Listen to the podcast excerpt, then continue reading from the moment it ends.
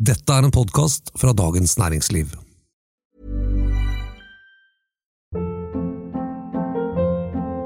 Hold up. What was that? Boring. No flavor. That was as bad as those leftovers you ate all week. Kiki Palmer here, and it's time to say hello to something fresh and guilt-free. Hello Fresh. Jazz up dinner with pecan-crusted chicken or garlic butter shrimp scampi. Now that's music to my mouth. Hello Fresh. Let's get this dinner party started. Discover all the delicious possibilities at hellofresh.com.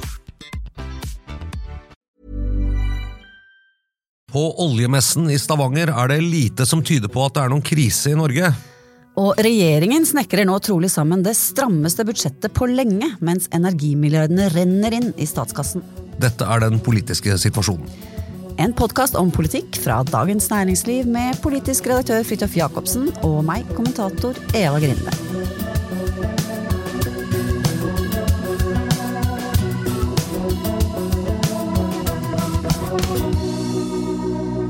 Har vært på oljemesse denne uken, Fridtjof. Der var det mange blide fjes å se. Ja, eh, ONS, som nå kaller seg en energimesse Ja. i energihovedstaden Stavanger. Det er viktig eh, å få med seg. Det, Jeg sa oljemesse bare for at det skulle gjøres litt enkelt og gjenkjennelig, men ja. klar over det at det er ingenting som heter noe med olje lenger. nei, men uh, egentlig så var det Det er en kjempestor messe for, uh, for det man kan kalle energiindustrien, men den er jo dominert av petroleumsindustrien, den klassiske oljeindustrien. og det Jeg har aldri vært der før, men det, det, er liksom Man vet at denne industrien er veldig stor, en av de største industriene i Norge. Men man ser det når man er der, for den er så enorm. Eh, Det er ti messehaller fulle av utstillere og et eh, yrende liv og osv. Så, videre. så det, det var interessant, men det var også en eh, helt Skal man si en jeg tror liksom, Petroleumsindustrien, jo, eller fossilindustrien, har jo gått litt sånn og hvisket litt og vært en sånn Vi snakker ikke så høyt om hvor vi jobber, og det har kanskje vært en slags sånn skam. De har slitt med å rekruttere unge folk, og sånn, men nå er det jo en ny sånn, de føler at det er en helt ny relevans i dagens utrolig krevende energisituasjon. Ikke sant? Nå produserer de demokratisk gass som verden trenger, som ikke er Putin sin. og det, det gjør jo at de nok har, har nok hodet litt høyere hevet. Ja, det, det må jo ha vært, eller De rapportene jeg har, jeg har lest og, og sett og hørt, og fra deg også, er jo at det er liksom en, en veldig positiv stemning. Og det å på en måte kunne gå med løftet hode og ikke gå og skrape med foten, sånn som man har gjort de siste årene. Man er på en måte både både rik og etisk på en gang. Ingenting er bedre enn det. Nei, det er i hvert fall ja, det er jo, I hvert fall gassindustrien, da. Ja, det føles nok, ikke sant? Det, føler, det er klart at Det er jo litt, eh, nesten litt morsomt hvis noen hører på opptaket her at det er et bor som går, så er det litt sånn drill, baby drill, ikke sant, som går her. Ja, det er- får bare, det er bare ta med seg det eh, ja. i bakgrunnen. Det er noen bygningsarbeidere her. Det er planlagt, Men, selvfølgelig. nei, men, det, men det, sant, det er jo et veldig alvorlig bakteppe. Eh, på grunn av Putins eh, da, eh, altså rett og slett at han slutter eller reduserer leveransen av gass til Europa, så er det jo gassmangel. Som har ført til enorme prisøkninger og mulig liksom en, en skikkelig energikrise til vinteren. Eh, og det gjør jo nok at, at liksom Norges bidrag, selv om ikke det kan fullt ut erstatte alt det man ikke nå får fra Russland, men er, er ganske avgjørende for Europa, så er liksom trøkket på Norge for å levere maksimalt av hva man kan av spesielt gass, er veldig stort. Og jeg er litt spent på også hva dette får å si for videre eh, norsk eh, petroleumspolitikk når det gjelder eh, f.eks. åpning av nye felt. Ja, ja, altså det åpenbare er vel at det kommer til å være en mer positiv innstilling til det, så lenge Norge har en, en viktig geopolitisk funksjon også, i tillegg med å forsyne Europa med Være en som kan forsyne Europa med gass. Eh, og erstatte russisk gass, ikke sant. Sånn at, og nå har jo EU også innlemmet gass i den grønne taksonomien sin. Altså de definerer gass som en grønn energi. Nå er det riktignok ganske strenge krav til hva slags type gass som, som, kan, som inngår i det, men, men likevel. Så det, er, eh, det, er ikke noe, det er ikke noen mørke utsikter for norsk gassindustri. Nei, men er, altså jeg, tror det, jeg er ikke sikker på om liksom den eh, norske politikken er helt forberedt på denne situasjonen. for Jeg husker vi, vi snakket om i denne podkasten da, da regjeringen, eh, Støres regjering tiltrådte, så var det jo nettopp dette forliket mellom AUF og LO når det gjaldt liksom, særlig oljepolitikken, hvor man snakket om at man skulle utvikle og ikke avvikle eh, olje- og gassindustrien. Men veldig mye det var snakk om da, var jo at man skulle eh, fortsette å lete etter å ta opp eh, ressurser i allerede utviklede områder. Altså at man på en måte skulle se rundt eksisterende funn, om man kunne finne noe mer å ta det opp. Eh, mens det var det å si at man som åpner helt nye felt for utvinning, f.eks. mye lenger nord, oppe i Barentshavet, var litt mer sånn der kan vi holde igjen litt. For det, det å åpne oljefelt eller gassfelt er jo jo, i hvert fall var politisk krevende, kanskje med SV og, og opposisjon og sånn, men Her er det vel litt viktig å skille mellom olje og gass, er det ja, det? Jo, eller petroleumsfelt, da. For Ja. Noen felt kan jo ha begge deler. Men, Ofte har de begge deler. men, eller- men det man vet, er jo at det ligger ganske store gassforekomster på havbunnen ganske langt nord. Eh, som man i gamle dager skulle prøve å ta opp sammen med Russland etter Stockmann-samarbeidet. Men, men det er jo nå forlatt. Men, men jeg er litt spent på hvis, hvis man bare skal ta russisk gass helt ut av ligningen i Europa, så trenger man kanskje den gassen, og det kan jo føre til at man må rett og slett eh, åpne helt nye felt lenger nord. Og hva gjør man da med elektrifisering, hva gjør man med utslipp fra de feltene? Hvordan skal man frakte gassen til Europa? Skal man lage den til sånn LNG, som flytende naturgass? Skal man lage rør? Og så videre. det, er, det er ganske mye politiske utfordringer her, da. Ja, det dytter på mange eh? Det, det ville ha store konsekvenser som vi ikke overskuer nå, men det er i hvert fall duket for, eh, for politiske endringer også, vil jeg tro. Eh, ja, det er jo det. For nå, har jo, nå har jo tingen vært Vi skal fortsette å ta opp vår viktigste ressurs, petroleum, på en måte som gjør at vi kan holde folk i arbeid. Og det, og det betyr jo mye sysselsetting. Og så skal den industrien gradvis gå over til å bli en fornybar leverandørindustri. På havvind og andre ting. Men, men da har man jo regnet med at liksom etterspørselen etter hvert kom til å kanskje bli redusert i Nemlig. takt med at det blir bygd ut mer. Men hvis nå etterspørselen blir veldig stor, så kan det hende man må lage en ny norsk petroleumspolitikk som rett og slett tar sikte på at vi leverer mye større volumer av, av gass, og kanskje også olje også, til verdensmarkedet. Jeg syns det ser mer sannsynlig ut nå. Altså hvis du tar i tillegg til den situasjonen som vi har da i Europa med krigen, som jo forhåpentligvis går over, så har du også en utvikling f.eks. i Kina, som skal legge, over, legge om fra kull. Og også kan komme til å bli en veldig stor etterspørrer etter gass. Så det blir jo litt sånn det gode må ikke bli det bestes fiende Nei, det beste må ikke bli det godes fiende. Nei, ikke sant? At gass blir da eh, og og det ser man jo også da i den vurderingen at det faktisk går inn i denne grønne såkalt mm, definisjonen av grønne energikilder i EU. ikke sant? En sånn type pragmatisme, da. Ja, og blått hydrogen var det også noen som snakket om, altså at du, du tar gass og leverer til et sted, så blir det hydrogen som er en slags energibærer. Men så fjerner du CO2-en på en måte fra prosessen og, og deponerer den et sted. Da. Og, og da er det jo for snakk om et samarbeid hvor Belgia lager det blå hydrogenet, men CO2-en skal da lagres en sånn norsk løsning. Vi, vi så jo også en sånn nytt sånn CO2-lagringsinitiativ i forkant av denne oljemessen. Så jeg bare tror at Ja, da ble det faktisk solgt. Ja, ikke som sant? en, eh, som en, et varelager, holdt jeg på å si. Eller som dere kan få lov til å lagre det her mot betaling. Ja. Og så, men så er det noe hemmelig hva den avtalen egentlig gikk ut på, sånn at man er jo litt spent på om det var eh? Hvor stor var eventuell PR-faktor i det, eller var det markeds... Altså, var dette rett og slett noe som, løn, som, som ble regna hjem, og, og er det da et tegn på at det kommer til å bli en voksende industri? Det vet man jo ikke helt enda. Nei, nei, nei, ikke sant? Og Men, det- eh, men det var allikevel et positivt tegn, da. Det var det, altså. altså jeg, min oppfatning har jo vært at liksom veldig mye av debatten om norsk olje og gass har jo handlet om hvor fort eller sakte man skal avvikle denne industrien. ikke sant? Eh, Det er egentlig det det har snakket om. Skal man gjøre det langsomt og langsomt, sånn at det gradvis går til fornybar? Skal man gjøre det fort, som noen partier mente? Du husker jo fra valgkampen 2021. Bare valgkampen 2021, det er ikke lenge Eh, siden. Men, men eh, nå tror jeg på en måte premissene for den debatten er helt annerledes, uten at noen i den akutte situasjonen vi er nå, så har man jo ikke begynt å liksom prøve å utforme nye politiske standpunkter, men, men jeg tror de kommer, og jeg tror, tror også presset mot Norge, eller fra Europa, da, om å bli en, og liksom levere så mye vi kan, det, det kommer til å være ganske betydelig. Eh, Så jeg er spent å se særlig hvordan regjeringen og partiene lander på dette, for går man dit, så er det jo en del i Hurdalsplattformen og andre steder som rett og slett kan bli mye mer krevende å få til. Da. Ja. Det blir mye penger av det. Ja, det blir veldig mye penger av det. Og så tror jeg kanskje man, man liker eh, Politikerne vil jo like den debatten bedre. Hvordan kan Norge eh, gjøre sin hva skal vi si, verdensborgerplikt ved å supplere gass, eh, fremfor den diskusjonen vi hadde tidligere, som, har liksom blitt litt spakere nå, men dette med at vi profitterer så voldsomt på krigen, og at vi bør opprette et fond som bør gå til Ukraina, og at det er uetisk på en måte å sitte og håve inn alle disse pengene osv. Ja. Nå gjør vi det. Vi håver inn. Eh, det er jo helt eh, ville tall.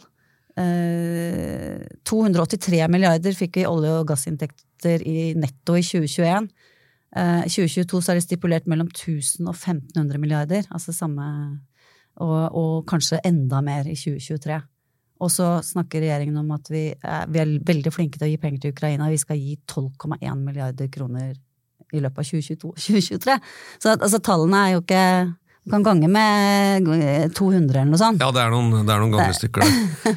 eh, ja, kanskje enda mer òg, men eh, Nei, jeg tror eh, sånn Og disse pengene blir jo Det er jo neste bolk i podkasten her. Altså, hvordan lager man statsbudsjett med Man skal stramme inn livreima og få folk til å liksom ha det litt mer kummerlig, samtidig som man renner over av penger. Det er jo ikke noe, noe enkel øvelse. Eh, Men hvis jeg skal summere opp oljemessen, så sendt, min inntrykk i hvert fall var at olje, eller petroleumsbransjen og hele leverandørindustrien sier sånn, hva er det vi er veldig gode på? Vi er gode til å finne den gassen, vi er gode til å få den opp, vi er gode til å levere ikke sant? Og, og få dette her opp. Det har vi drevet med helt siden 70-tallet, og der er vi i verdensklasse. Vi er klare. Eh, og de så nok for seg at eh, det er ikke sikkert at den liksom, siste store utbyggingen og det siste store anlegget er bygd, og det betyr jo selvfølgelig mye for mange arbeidsplasser og sånn. Så det Jeg var ganske mye optimisme. Ja. Men du, dette her Musk-besøk og Zelenskyj på skjerm og øh, Var det Hvordan fungerte det? Var det liksom litt avledningsmanøver, eller? Sånn, hva var det egentlig? Nei, Hva koster det å få Musk, øh, tro? jeg kom litt sent på mandag kveld, så jeg gikk glipp av det sirkus eh, Elon Musk, men, Ja. Men det er klart, eh, han er jo en spennende fyr, for, eh, han er jo en vill, vill type, liksom. Som fyr på en måte som bare kan oppstå i Amerika, ikke sant? En slags Australia? må jo, jeg si. jo, men det er jo. USA han har fått dette til, med liksom at han driver med romraketter Ja, det er sant. ja, og elbil og sånn, så jeg vet ikke helt hva det var, men det var i hvert fall mye oppmerksomhet. Men det, men det var jo Altså, messen er en eh, Det er liksom olje og gass, altså. Det det. Ja, og det uttalte jo han seg om hvordan det burde være. og så var det liksom enkelte kommentatorer som bare sånn, ja, det er vel kanskje ikke egentlig hans spesialfelt, men, eh, men han ble flittig sitert. Men det er jo et eller annet med, han er jo en sånn type som sier han noe, så blir det lagt merke til. Det. Han har jo en enorm sånn presence og star quality, liksom. Ja. Med, med god grunn for det han har fått til, egentlig. Så elsker han jo Norge, det største Tesla-landet i verden. Ja, Det er jo ikke så rart med de subsidiene det har vært på, på de bilene hans. Så er Han elsker Støre, han sa roste Støre opp i skyene. Burde elske Venstre mest. Ja. Det er vel de som har vært mest ivrige. Men, godt ja. men vi skal over til budsjett, men før det må vi ha en liten pustepause, altså, for at, uh, det er svære greier. Det er det. Ever catch yourself eating the same flavorless dinner three days in a row? Dreaming of something better? Well, HelloFresh is your guilt free dream come true, baby. It's me, Gigi Palmer. Let's wake up those taste buds with hot, juicy pecan crusted chicken or garlic butter shrimp scampi. Mm. Hello Fresh. Stop dreaming of all the delicious possibilities and dig in at HelloFresh.com. Let's get this dinner party started.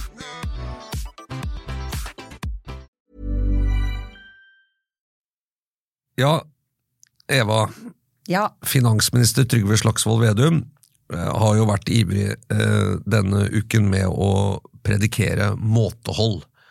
At nå er det liksom, nå er det alvor, nå skal, det, nå skal det ikke brukes penger. Det er rett og slett måteholdet. Hvor troverdig syns du han er?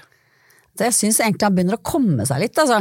Det virker som at han har lagt denne vinglefasen eh, fra, fra ganske frisk populist i valgkampen og inn i en sånn ubekvem rolle som statsminister.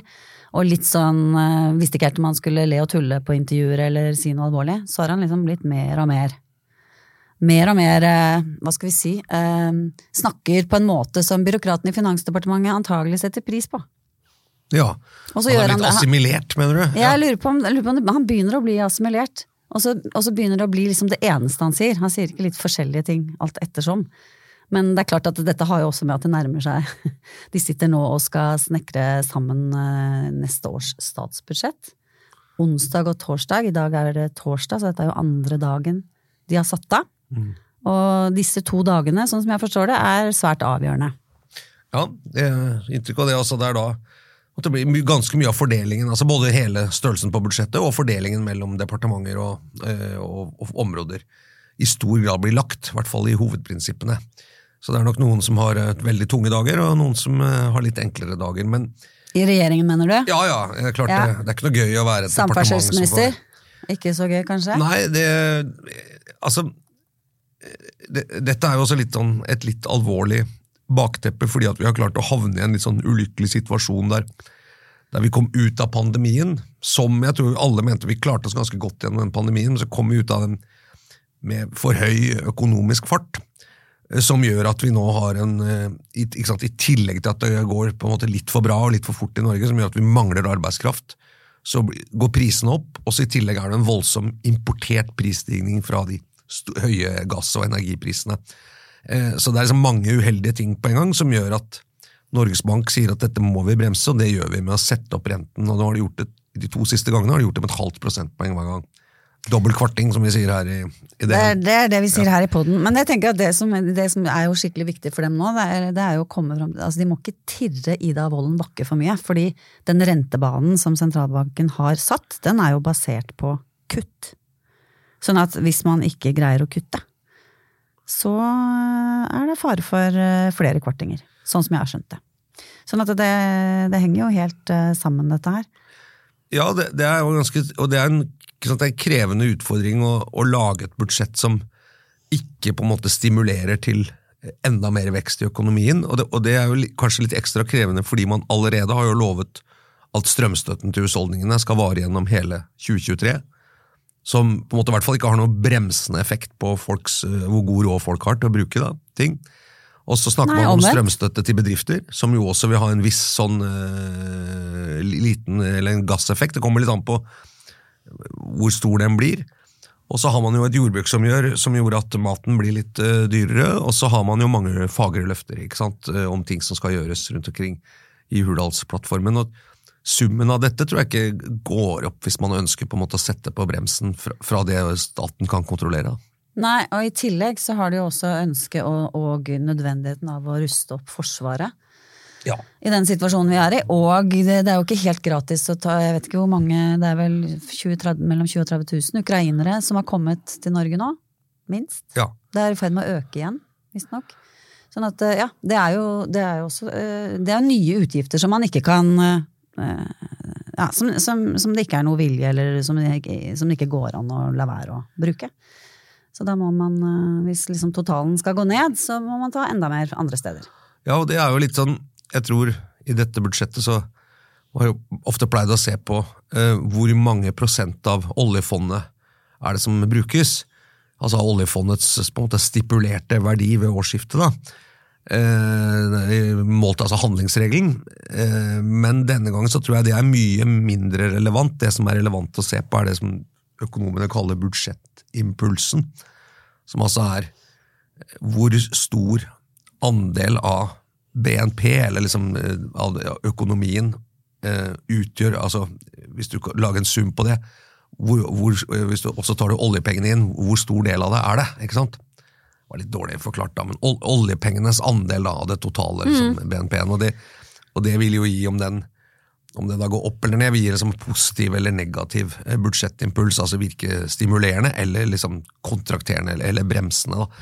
Eh, Og Der har de jo sagt at ambisjonen er å lage en negativ budsjettimpuls, altså at de prøver å bremse. Men hvordan de skal gjøre det, Eh, Hva skal de ta? Det, det, er, jo, det er jo interessant, da. ja, det er ikke så enkelt. Nei, ikke så hvor tar man på et statsbudsjett?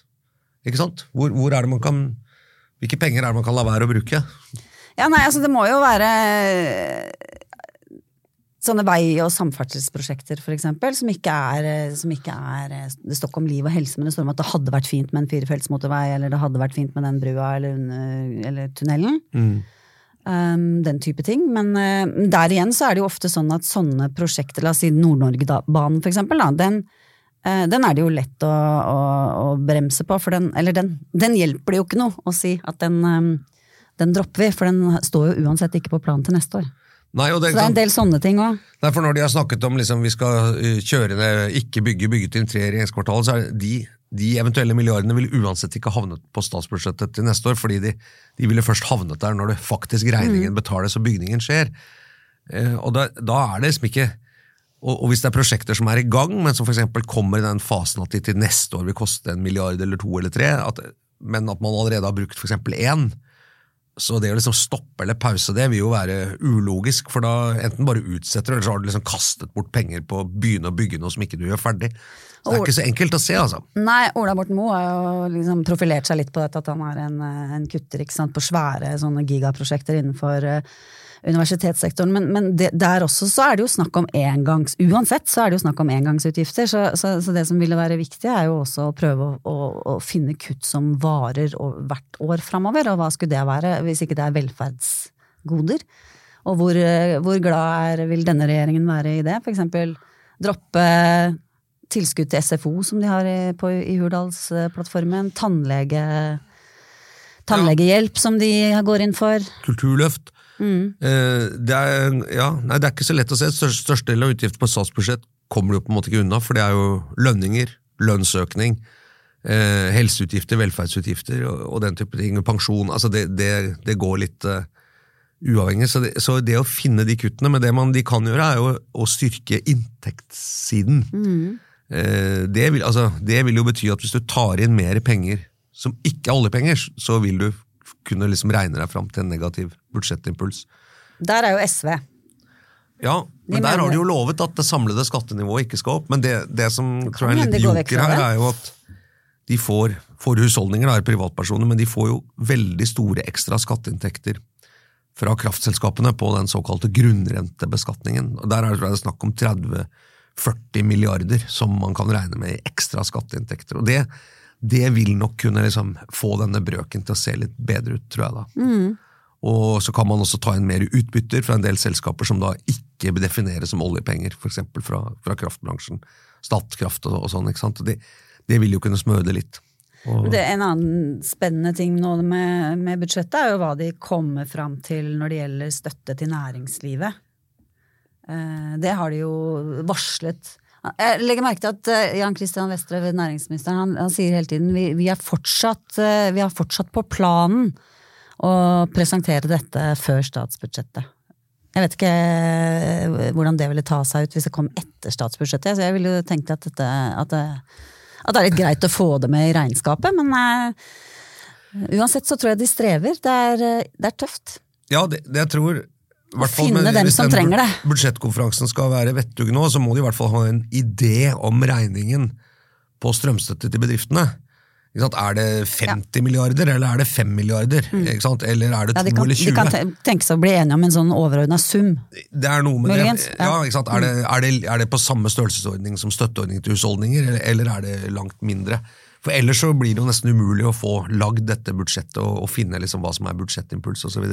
Men det som jeg, det som jeg syns trer veldig sånn tydelig fram, da, det er jo at regjeringen eh, altså regjeringspartiene, LO og NHO og SV er sånn superklare på at her er det ikke snakk om noe flatt eh, tilskudd til alle bedrifter, av litt ulike grunner. Da. Altså Regjeringen er veldig opptatt av dette med temperaturen i økonomien og sånn, mens SV for sitt bare liv vil unngå at bedrifter får ekstra penger inn. Ikke sant? Det er nesten basert på en litt sånn at eh, privat næringsliv er litt suspekt i utgangspunktet og har allerede nå liksom karret til seg, og eiere vil ta det og ikke sant. Men uansett, da, så, så, så, så er det, det virker veldig klart at det de leter etter nå, det er en treffsikker ordning som kan treffe de få, faktisk, bedriftene som er eh, skikkelig rammet av høye strømpriser. Og da snakket vi om en sånn sjokkfaktor som SSB, og det tror jeg, jeg tror du nevnte noe som ligna i forrige podkast. Eh, nemlig eh, hvor stor prosent av utgiftene i et normalår tok de utgangspunkt i 2019, utgjorde strømregninga. Mm. Og da er det noe sånn rundt tre og oppover som er eh, regnet som en høy sjokkfaktor. Da. Og da kommer f.eks. kulturbedrifter også inn under der. Men det er litt fordi de ikke har så mange andre utgifter. Antagelig. Ja, ikke sant. Ja. Eksempelet som jeg har hørt fra flere politikere nå, som kanskje kan være et hint, det er jo sånn Han som driver eh, butikk, mm. en jokerbutikk for eksempel, eh, som har eh, eh Som er sant, en viktig butikk i et lokalmiljø, for eksempel. Det er sånn butikken som sier at eh, Og der er liksom marginen liten, som det er i dagligvare. Og så Normalt var liksom strømregninga 30 000 i måneden, og da gikk dette rundt, og jeg fikk en grei fortjeneste, men uten at det var noe voldsom margin. Men når strømregningen går opp til liksom 80 90 100 000 i måneden, så har ikke jeg noe å leve av lenger, for da, da spiser den hele det beskjedne overskuddet jeg har. Og, og, og det har blitt nevnt såpass mange ganger av politikere at jeg tenker at i hvert fall den typen små bedrifter, Mm. hvor dette liksom gjør veldig stort innhugg i en, eh, en litt sånn eh, Du har ikke så veldig mye eh, marginer å gå på. At de vil få en eller annen ordning som vil treffe. Ja, for det blir jo litt sånn eh, Når du har liksom NRK-debatten, ikke sant, så står det representanter for nettopp sånne små bedrifter, og så, og så står Jan Christian Vestrom og sier som sant er at eh, norsk økonomi går så det griner. Det er nok en fattig trøst for dere. Så det- blir det å finne liksom nøkkelen til hvem det er som skal få, da, og hvordan. Eh, For de jobber jo også samtidig med, med det å, med, å, med låneordninger, ikke sant? sånn at det ikke bare er penger rett i, i fòret. Og en annen ting er også eh, mulighet for å få gunstigere fastlån, nei, fast, fastpris på strøm. Fastprisavtaler, ja. Eh, sånn at eh, ja, det er mange ting man ser på. Jeg tror i hvert fall at en, en regjering som inkluderer Senterpartiet, hvis det blir sånn at strømprisene gjør at nærbutikken blir lagt ned mange steder eh, i Distrikts-Norge, så får Senterpartiet enda større problemer enn de har i dag. Eh, så jeg tror ordningen må ta høyde for det. Mm. og kanskje er det også på en måte noenlunde rett og, rimelig. Eh, det er i hvert fall bedre det enn at det går til sånn til, eh, til store eiere som drar inn liksom, store ting. Men, men ikke sant? det som slår meg sånn overordnet, er jo hvor vanskelig dette er politisk. Fordi eh, vi har en strømpriskrise og en energikrise. Og når det er krise i Norge og i verden, så er liksom svaret alltid det kan vi bevilge oss ut av. Staten stiller opp med penger, så vi kommer oss liksom over den, eh, den der sluket og over på den andre siden noenlunde uskadd. Det er det vi alltid har gjort. Men så har du da denne greia her nå at mens det er krise og enorme strømpriser som man liksom trodde at alt skulle synke ned sammen, så går økonomien altfor fort. Så vi kan ikke bruke, vi må bruke mindre penger i en krise. og Det, det å liksom prøve å forklare folk det, det er nesten umulig. Det skjønner vi, da. Ja, men, men Eller det er skjønner jo- og skjønner, men Nei, altså det er- aksepterer det. ja, men det blir, liksom, det blir jo teoretisk, for Ja, det er, det blir vi er ikke vant til det. er liksom ikke det som sitter i våre handlingsgreier. Er, altså det, det er sånn Ja, vi, vi, der kommer en krise, det mangler en vare. Staten, vi har masse penger, kan vi stille opp og redde? Man gjør jo det med strømstøtten. Vi prøver jo å avhjelpe krisen. Men samtidig sier man man Og avhjelper den, vil jeg si. ja, vi må, bruke, Altså- vi må bruke mye mindre penger i en krise. og det, det er ikke noe lett budskap å se. altså. Nei, og egentlig så er det litt vanskelig kombinert med den ganske heftige støtten vi får i strømstøtte. For det det, det er jo egentlig å undergrave dette argumentet om at vi kan ikke, vi kan ikke støtte med penger av nettopp det med overoppheting av økonomien, men vi gjør jo det faktisk med mange titalls milliarder da, med den strømstøtten. Det, men den har liksom kommet litt under radaren, fordi folk har liksom krevd så mye mer ekstreme ting. Sånn Frp liksom 50 øre fastpris uansett, og så videre. Og da, da, blir denne, da blir denne subsidieringen av, eh, av, av husholdninger liten. Ja, det gjør det. Og så har de jo også sagt, regjeringen, at vårt mål med den økonomiske politikken er å holde renten så lav som mulig. Og Det er klart at det vil jo si at vi skal måles på liksom renteøkninger. Eh, Blir det mange renteøkninger, så har vi ikke lykkes. Det mener jeg kanskje også var et litt sånn eh, Det var et, kanskje et ambisiøst mål å sette opp, og kanskje å lage en felle for seg selv. Eh, For nå har det jo vært, Etter at de sagt det, så har det vært to rentemøter. Begge gangene har det vært ganske kraftige renteøkninger. Og det er varslet enda mer. Og hvis rentebanen nå blir liksom brattere, altså at renteøkninger kommer kjappere enn det Norges Bank har sagt før, etter at statsbudsjettet er lagt frem, så, så er jo det det en slags dom om at de ikke gjør det de har lovet. Da. Ja. Ja. Men hva skal vi konkludere, da? Altså, vi driver og sparer og sparer og har ikke råd til noen ting, men oljenæringen klapper, seg, klapper i hendene, og vi har stor tro på i hvert fall en voksende gassnæring. ja, noe sånt kan vi konkludere med. Vi er fortsatt annerledeslandet, altså. Ja. Det hørtes ikke ut som du hadde kommentaren helt ferdig med den uh, disposisjonen der, Nei. men uh, Nei. Nei. Nei, det er eh, eh, Men jeg, jeg er spent på budsjettet, og særlig spent på fortellingen. eh, og hvordan skal jeg gjøre det. Og, og så er jeg også spent på om de regjeringen klarer med nå å liksom trekke opp de, de dystre utsiktene. Så er jo også målet å få folk til å spa, bruke mindre penger, spare, ha lavere konsum, rett og slett i frykt for framtiden. Lykkes man med det, så slipper man å bruke rentebremsen så mye. Ja. Liksom, hvis vi bruker mindre penger, kjøper mindre ting, Men det gjelder strøm også. Det sies liksom at Ja. men vi har ikke noe å gå på når det gjelder strøm, men det har vi jo. Altså Hvis man får eh, skyhøye strømregninger, så begynner man å slukke lyset. Ja da, eller skru av svømmebassenget. Ja, særlig skru av svømmebasseng. Men selv, selv når det handler om de der basic tingene, så går det an. Vi er, nordmenn har jo altså Sånn merker man jo alltid når man er i utlandet, hvor, hvor vant vi er til å bare la det stå på. ikke sant? Det har, vært, eh, alltid vært sånn. Ja, Det har vært veldig veldig billig. Det er noe å gå på. ja. En moderne sparepære bruker veldig lite strøm, da. Men, eh, Ja da. ja da. Men men ok, slukke lyset var et slags symbol, da. Du må spise fisken rå. Ja. Men uh, en, ja, sånn har det blitt nå. Ja. Sushi. ja, dra mindre på hytta. Sushi til folket. Ja. uh, dette var uh, ukens utgave av den politiske situasjonen. Uh, jeg kan oppsummere med at Eva Grinde og meg selv, Fridtjof Jacobsen, er omtrent like forvirret som det både verden og politikken eh, ser ut til å være for tiden, men vi, vi jobber ufortrødent videre for å prøve å skaffe oss innsikt og oversikt og, og se om vi kan klare å få dette til å lande eh, mentalt på en eller annen måte, men jeg lover ikke at vi klarer det. Uansett, følg oss videre i den prosessen, eller hva, Eva? Ikke denne uka. Vi, vi klarer ikke denne uka. Nei, men neste Kanskje uke neste. så prøver vi igjen. eh, produsent for den politiske situasjonen er Gunnar Bløndal. Dette er en podkast fra Dagens Næringsliv. Vi er veldig glad for at du hører på. Abonner gjerne hvis ikke du gjør det. Del budskapet osv. Og, så videre. og så høres vi igjen neste uke. Det gjør vi. Ha det Takk bra. for nå.